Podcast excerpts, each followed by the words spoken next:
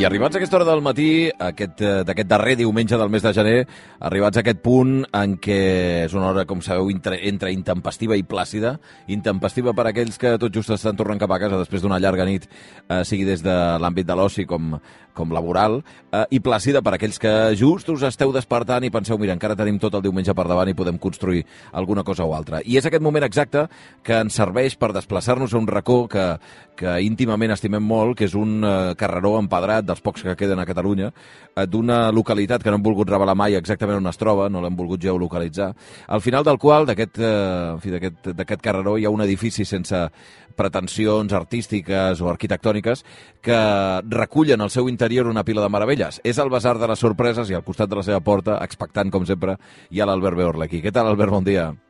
Bon dia, Xavi, com va tot? Bé, bé, bé. Estava, mira, sí. a, estava a punt, perquè no t'havia vist entrar encara, i Què? estava a punt de pensar que el Beorlegui venia amb aquells abrics d'hivern i clar, i he pensat, no, no, qui, no. Com, com deia la cançó, qui m'ha robat el mes d'enero, no?, una mica, perquè és que doncs de veritat, sí? eh? Quins, quines setmanes més estranyes que estem vivint, però en tot cas, A veure, que, aquí estem. que s'agraeix, eh? Que s'agraeixen aquests, aquests aires primaverals, eh? Però, escolta, que cada època ha de tenir les seves, eh, la seva, bé, aquella idea iconogràfica que tenim, i a l'hivern, home, no diré que ha de ploure, sí, sí. perquè ja hem renunciat a que hagi de ploure, però com a mínim, ostres, que faci fred, que, que passi mocadors grans, que hi hagin abrics, vull dir, que hi hagi aquella sensació, perquè llavors segurament que quan vingui la primavera, doncs la saborirem més bé i la, la, la rebrem encara més alegria. Però clar, que aquesta setmana hagin sortit ja cireres, per com he sentit aquest divendres, dius, a veure, però en quin món vivim, Tenim no? un Vull problema. Que... No, aquella cosa sí, que sempre s'havia sí, dit, de, no cada dia és diumenge, bueno, la gràcia mm -hmm. de que, del diumenge, en realitat, és que, és que la resta de dies no siguin diumenge, perquè ah si no, no té sí. cap mena de sentit.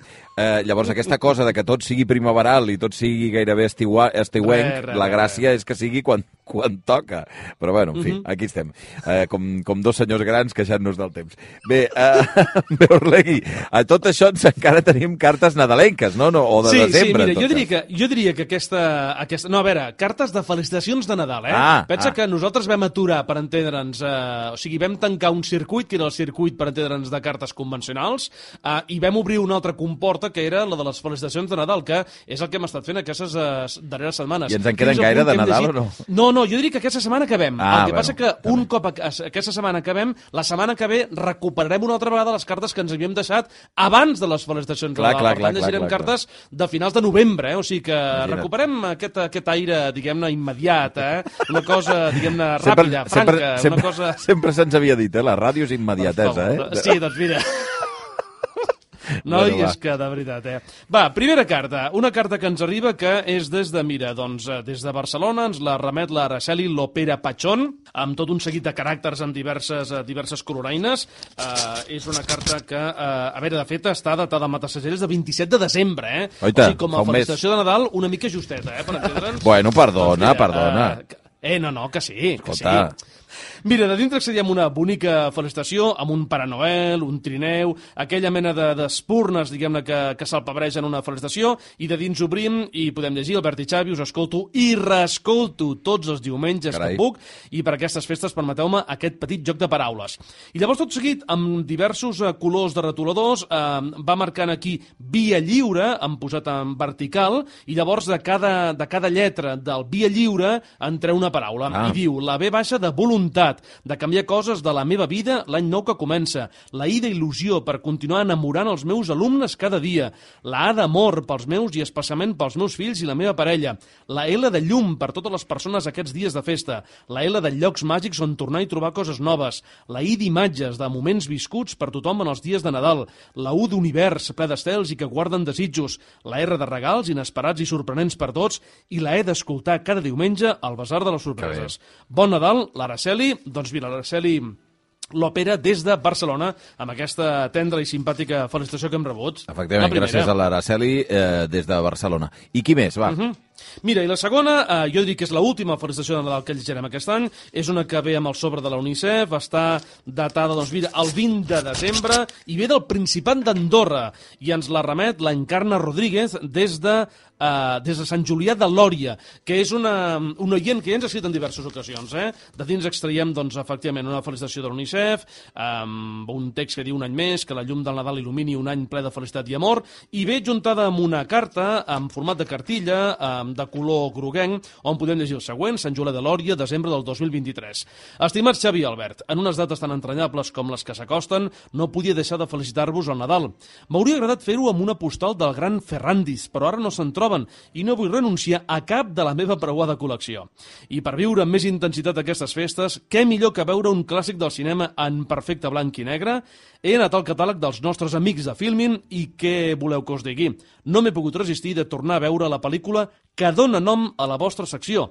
A més de ser una gran obra mestra, evoca uns temps d'innocència i il·lusió en què tot era possible, fins i tot que el noi i la noia, que aparentment no se suporten, acabin enamorats. Em diran, quina història més cursi i més desfasada, però no és bonic creure que el món pot ser un lloc amable i que fins i tot els cors més durs poden estovar-se la nit de Nadal amb uns quants flocs de neu i l'encadenament d'una sèrie d'esdeveniments que ens aporten a un final feliç? Veient les notícies, sembla que això no pot ser possible, però jo crec que sí, que aquestes coses passen però no surten als telediaris. Malgrat tot hem de creure en l'amor i la màgia, sinó que li diguin al mago pop, i mantenir l'esperança en un món millor. Us desitjo un feliç Nadal i un any nou que ens porti tot el que ens ha mancat en aquest que marxa, a vosaltres i a tota la comunitat de l'Hora Intempestiva. Una abraçada, doncs, aquesta simpàtica oient, la Maria Encarna Rodríguez, des de Sant Julià de Lòria.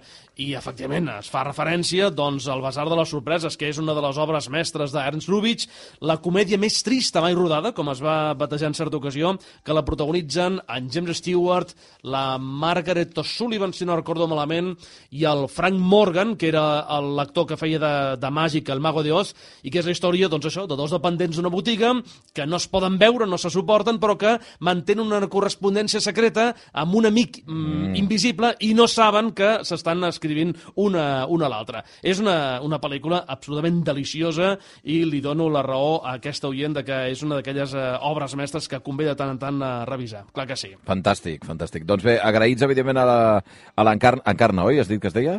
Sí, l'Encarna de... Rodríguez des de, des de Sant Juli de Lòria, a la Sant Principat d'Andorra.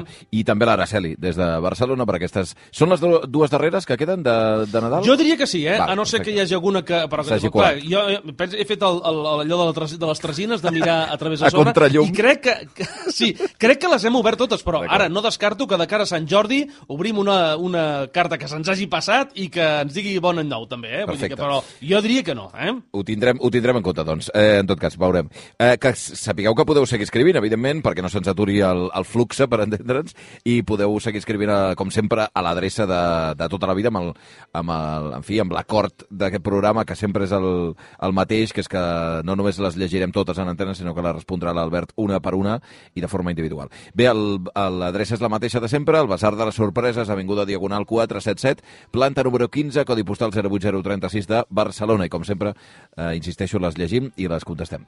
Va, no perdem temps, anem a l'estacionament del Beurleg Express, ah allà mm -hmm. perfecte, brillant, net com una patena, sí. com no podia ser d'una altra manera. Bandereta, que també hi porta. Oh, sí. Escolta, que, que sí, xaval, A veure, Beurlegui, tu, què? tu... Què? No, home, perdona, que, que, que pugis una mica al nivell de la dificultat, perquè de veritat, o sigui, pa països europeus que són veïns, ja ens els coneixem. I a més a més que aquest és, és reincident sempre, sí, eh? Sí, sí, sí, Color, molt reincident. verd, blanc i vermell, la dolça sí. Itàlia, no? O Correcte. no? O m'he equivocat? Avui anem a la... Sí, sí, efectivament, a la dolça Itàlia. I anem a un lloc que ja hem anat en alguna altra ocasió. A mi és un lloc que eh, em té robat el cor. De fet, jo diria que és un dels llocs més fascinants de la Terra. És una veritable càpsula del temps creada fa 2.000 anys, on d'un dia per l'altre el món es va aturar, deixant per la posteritat una radiografia de com era la vida, doncs això fa 20 segles. Estem parlant, evidentment, de Pompeia, on, eh, com deia, ja hem anat alguna ocasió, i res, anem allà per una una història que certament és molt curiosa. A Estàs a punt? Sí. Sí? Doncs apa, som-hi.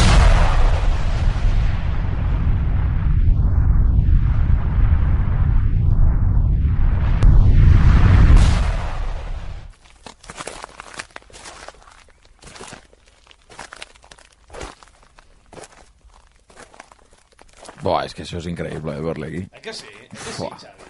és que a un lloc així, a, a aquesta hora del matí, que, hi ha, bueno, que no hi ha ningú, eh, privilegi absolut, lloc ple d'història, eh, ho notes en l'ambient i és, és, és, una, és una meravella.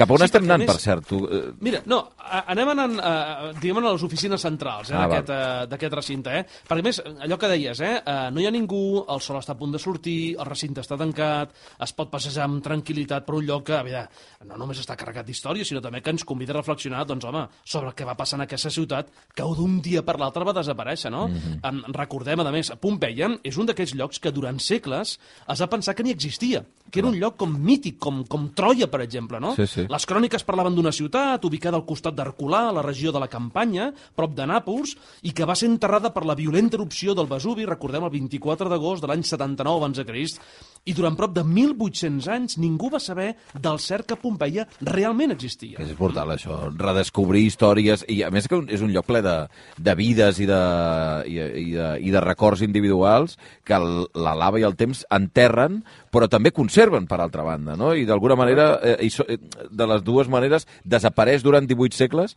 però en el seu, en el seu retorn ho fa amb esplendor. I que a més la història es va, es va actualitzant perquè eh, cada poques setmanes o pocs mesos anem trobant doncs això, notícies que ens parlen de nous descobriments, de noves cases, de noves domus, de nous, eh, de nous elements que ens permeten eh, posar més peces amb aquest immens trencaclosques que representa l'antiguitat. No?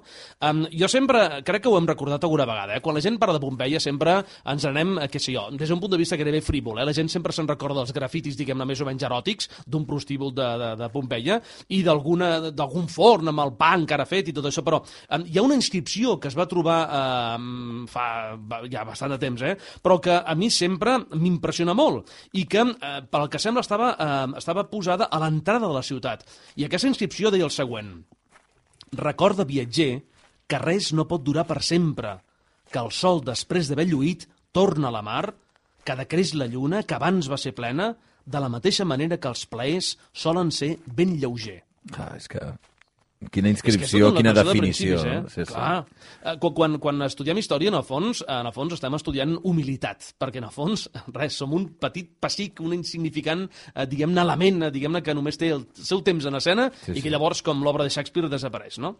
I avui som a Pompeia per què, exactament? Sí, mira, Jordi? uh, avui hem anat a Pompeia perquè fa poques setmanes les oficines d'aquest centre, mira, aquest que està aquí, això que et deia, està aquí, uh, van rebre un paquet amb una carta anònima on algú havia escrit que a la seva visita, que havia fet aquí a Pompeia, s'havien portat sense voler unes pedres del recinte, però que a partir de llavors li van passar tota mena de desgràcies atribuint aquests infortunis a una maledicció. Hosti, una maledicció. Doncs sí. I a més, no és el primer cop que passa, eh? Diversos visitants han robat pedres de Pompeia i les han acabat tornant al·legant que a partir de llavors els ha perseguit la mala sort. Ah, o sigui, és una cosa, salut, re, temes... és una cosa reiterada, eh? Correcte. Fins al punt que s'ha publicat un llibre, La maledizione di Pompei, on un periodista cultural anomenat Antonio Cagnano relata històries, doncs això, de furts, els responsables dels quals se n'han acabat penedint i tornant. Aquí la pega que hi ha, eh, més enllà del penediment del fet, és que, clar, com es reintegra eh, una pedra Sí, a un clar. lloc immensament gran que dius, on te la vas trobar? Ah, no sé, estava per aquí. Impossible. Doncs, eh, clar. Bé, jo he trobat aquesta notícia d'allò més curiosa, de manera que avui et proposo un nou basar de les sorpreses, el que farà el 336, que dedicarem a la lletra M. La M de maledicció.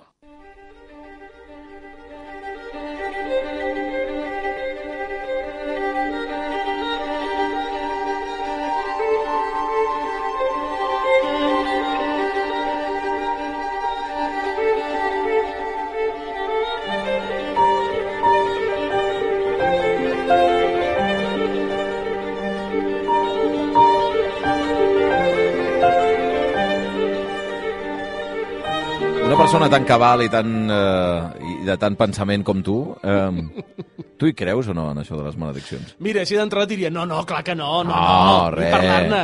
Però, Però...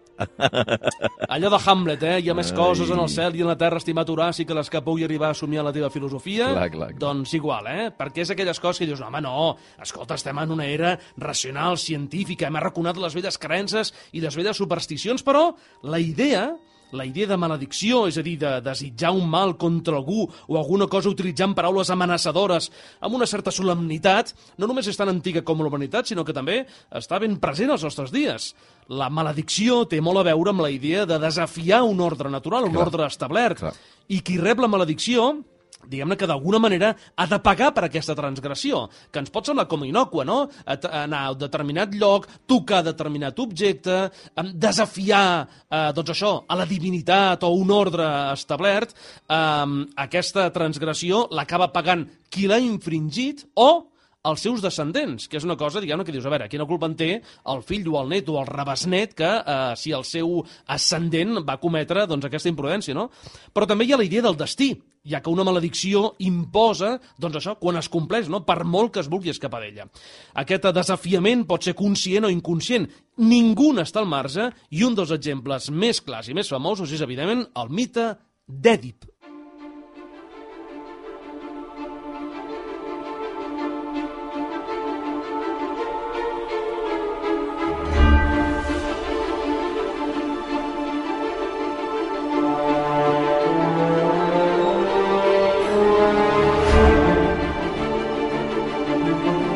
Porta oberta, per tant, al món mitològic a través d'aquesta mitologia al voltant d'Èdip, d'aquest personatge que és de la mitologia sí. grega, no, Beorlegui? Correcte. Uh, Èdip és un heroi que, conegut sobretot per la tragèdia de Sòfocles, ens explica la història del rei de Tebes, anomenat Laios, que va causar la mort d'un jove del que se n'havia enamorat. Un oracle el va maleir afirmant que el fill que tingués el mataria amb ell i es casaria amb la seva mare. Mare Déu I llavors, intentant evitar la maledicció, doncs Laios, eh, amb la seva esposa, abandona el nen que és criat per uns pastors aliè completament a la història. El nen es fa fort, es fa gran i per tota una sèrie de fets, diguem que seria molt llarg d'explicar, acaba conquerint el regne, matant el seu propi pare i casant-se amb la seva pròpia mare. Eh? La seva història va inspirar, òbviament, Simon Freud per la seva teoria del complex d'Èdip. Si et sembla, vegem tres malediccions històriques ben famoses.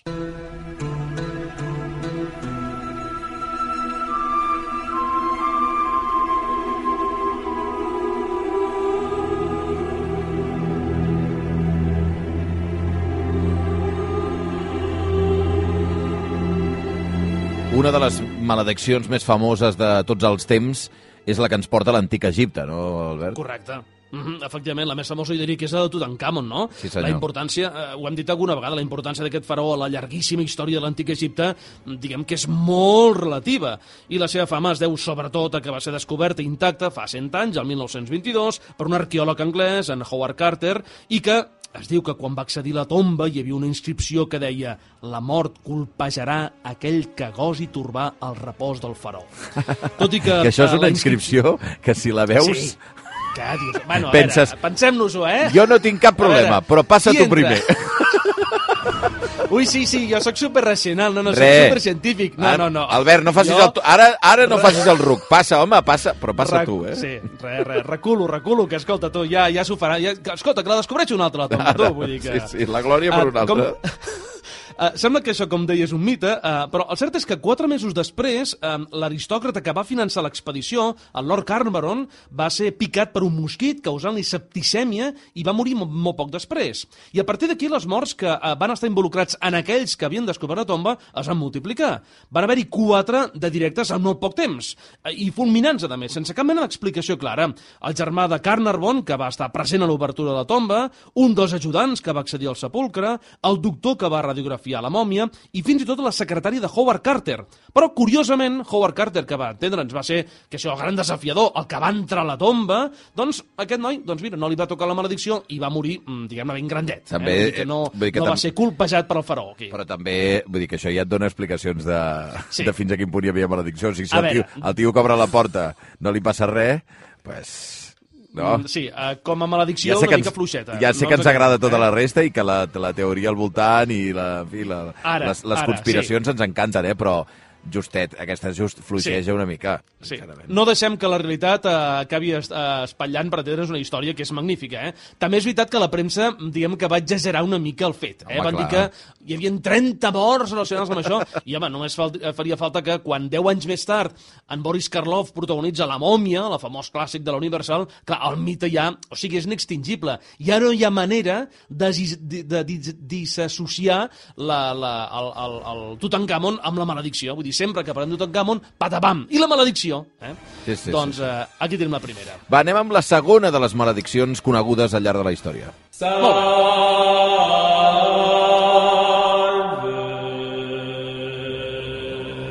Ai, ai. Aquesta, si fos certa, clar, eh, ens falten testimonis, eh? O sigui, ens falta, diguem-ne, la realitat, eh? Però, si fos certa, realment és molt, molt inquietant. Anem ara a avançar uns quants anys eh, respecte, per entendre'ns, a quan va ser enterrat a, a, a Tutankamon. Sí. Anem a principis del segle XIV, l'any del senyor de 1314, i ens trobem a París. Allí trobem el final de l'Ordre del Temple, que, recordem, va ser una institució militar medieval que va ser fundada per Hugues de Payan i per altres cavallers que van participar a la primera creuada, a propòsit de la qual era protegir els peregrins cristians, recordem, a Terra Santa. Mm -hmm. A l'any 1306, la monarquia francesa, amb Felip IV al capdavant, estava arruïnada, com acostumen a passar amb tots els reis medievals. En part per als préstecs que el mateix Felip IV havia demanat a, a l'ordre. De manera que, amb el papa Climent V de Roma, que també estava arruïnat, van ordir una trama per destruir els templers i quedar-se amb tot el que tenien, que no era pas poc. El mite, la llegenda, era que eren immensament rics. I què van fer? Doncs van acusar l'ordre del temple d'idolatria i d'heretgia. I a la fi va arribar quan, després de confessar sota tortura, que, home, diguem-ne que és una confessió, diguem-ne, amb trampa, sí, sí. van a cremar la foguera a l'últim gran mestre de l'ordre, que era Jacques de Molay. A punt de morir, va maleir els seus butxins. Papa Climent i rei Felip, traïdors a la paraula, mentre començava la cosa ja a fumejar, eh? Us emplaço davant del Tribunal de Déu. A Climent abans de 40 dies i a Felip abans d'un any. Ai, ai, ai, ai. I què, i què, i, I què? així va ser. Un mes després de la mort de Molay, abans de complir-se els 40 dies, el papa moria amb només 50 anys. I el rei Felip IV, pocs mesos després, per tant, abans d'un any, d'un accident de caça amb només 29 anys. Anem amb la tercera, hi ha una tercera, oi que sí? Sí. Vinga.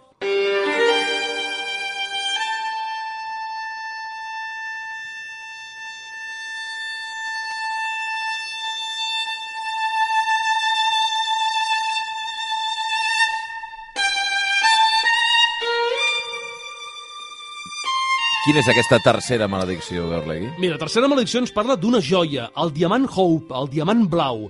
Va ser trobat a la mina de Colur, a la Índia, i robat d'un temple, va ser adquirit per un comerciant francès als vols de l'any 1660, i des de llavors ha passat per moltes mans, entre elles alguns reis. Va ser robat, va passar a la monarquia anglesa, d'allí una família, la Hope, d'aquí el seu nom, i els darrers 100 anys van als Estats Units, va tornar a França, fins que fa cosa de 60 pocs anys, l'any 58, el seu darrer propietari el va donar a un museu de Washington, on s'exhibeix actualment, encara que amb aquesta etiqueta de maleït. Mm. I què té aquest diamant blau perquè sigui per- maleït? Per, perdona, pre precisament per això deu tenir visites, no? Perquè quan dius que una cosa és maleïda, la gent la vol, la vol anar a veure. Clar, clar. la gent s'hi tira, eh? Vull Sí, dir sí, que... I és legendari perquè molts dels seus posseïdors han acabat tenint desgràcies. Han mort en accidents, han acabat a la presó, s'han suïcidat, han embogit o han estat assassinats. Clar que, home, estem parlant d'un diamant que té 300 anys, per tant, eh, diguem-ne que 300 anys dona per molt per voler ressaltar determinats fets i, mm, diguem-ne, eh, bandejar d'altres. El diamant blau va passar per moltes mans de reis i aristòcrates, i ja que estem en noblesa, doncs va, un conte ben famós amb maledicció, La vella dorment. Abans de pondre's el sol, les trompetes del pregoner reial ressonaven a la plaça per fer saber a tothom que el rei manava destruir i llançar al foc totes les filoses i els fusos de la vila per tal que mai, per dissortat atzar, no pogués complir-se la maledicció de la bruixa. Oi, oi, oi, Beorlegui, és que el retorn, el retorn a la infantesa és absolut, sí? eh? I en principi, Sí, sí. aquesta gravació a mi no em pertocaria, diguem-ne, però va arribar-me, no sé si era un, un, en un vinil o en un... Vinil, en, segur, en, un, segur. o en un disquet, o no, no sé, en un, eh, un caset, no Ah, recordo, però vaja, jo tampoc- aquestes, aquestes gravacions històriques, de, no, no sé quina dècada és, eh? però és molt, és molt antic, eh, de. Això de, de contes anys- en català, oh, Correcte. Uh -huh. Això és als anys 60, eh? I aquest que estem parlant és l'Isidre Sola, en una versió en disc en català de La Bella Dorment, que recordem és el famós conte recollit per primer cop l'any 1634 al Pentamerone de Giambattista Basile, i on s'explica, tots ho sabem, la història d'una princesa, la que una bruixa maleeix profetitzant que als 16 anys es punxarà amb un fus i morirà, i només un petó d'amor la podrà ressuscitar. S'han fet moltes versions de la història, una de les més famoses de les quals és un ballet de Tchaikovsky, i ja que estem en música, doncs va, una òpera ben famosa amb una maledicció. Rigoletto.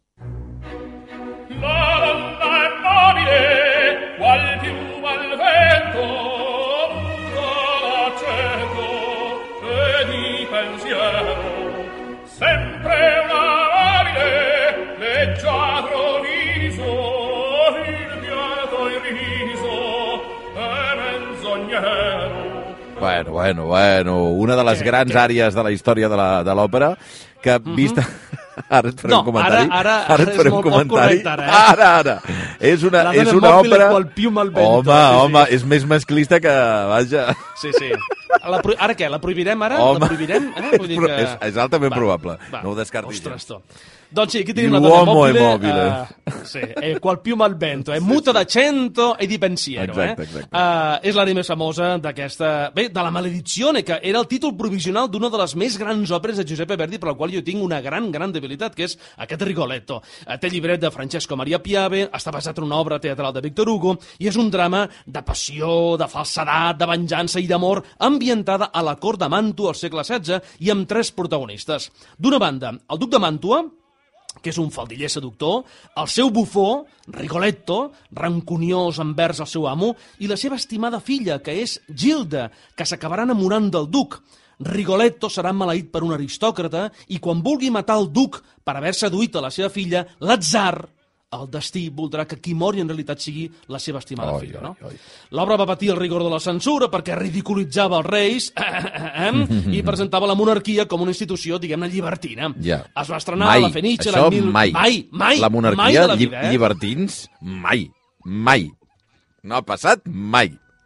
Ni amb uns ni amb uns altres. Amb cap llinatge. Ai, senyor. Bueno, va. Vas estar a la Fenice l'any 1850 i és la segona òpera més representada al Liceu, eh? Segona òpera més representada amb els seus més de 170 anys d'història. Al final, jo eh, sempre m'emociono al final de, eh, de Rigoletto, perquè, clar, eh, Gilda, que és la filla del bufó, està ja, ja amb ferida de mort, està agonitzant, i el seu pare li prega, li prega per al cel que no mori. Quan expira ella, ella exclama «Ah, la maledizione». Si et sembla, escoltem aquest contundent final. Um, hem de treure la, la dona mòbil, que ara ja no pertoca, eh? Sí, amb sí, silenci, sí. sisplau. Escolten aquest final amb la versió que jo hi tinc molta, molta debilitat perquè l'escoltava molt a casa dels meus avis, que és la versió dirigida per Richard Bonings l'any 1971 amb Cheryl Miles encarnant Rigoletto. Per tant, doncs, uns segons de silenci i escoltem el final.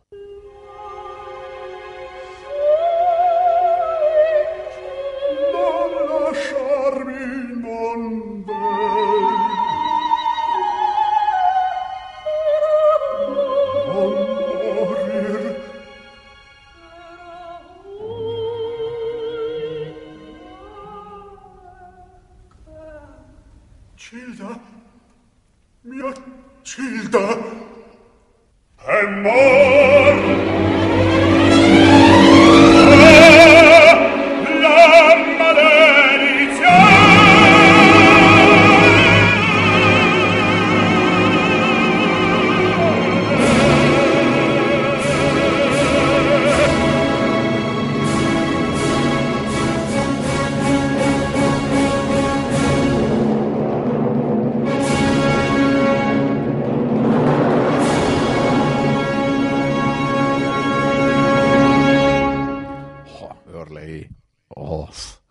Tremendo, eh? eh? És que ara, és que ara jo volia aixecar-me i dir bravo, bravo, i tirar clavells o tirar flors a l'escenari. La mare que em va fer. La maledizione, la maledizione. Bof. Oh, oh.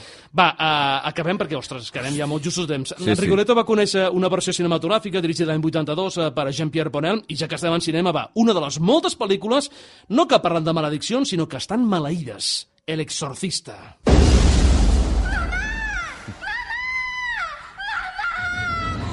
poder de Cristo te obliga.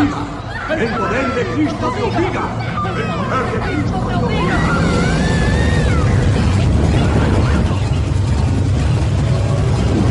És només sentir ja el so i Déu-n'hi-do, eh? Quina por, de veritat, Oh, eh? Va, aquí tenim el tràiler de l'Exorcista, basat en la novel·la, recordem, de, Peter, eh, de William Peter Blatty, amb Linda Blair i Max von Sydow de protagonistes, un film de l'any 73 que va marcar un abans i un després en els films de terror, i amb un rodatge, eh, les coses com siguin, envoltats de molts fets estranys, Sí. sí. estan documentats, no?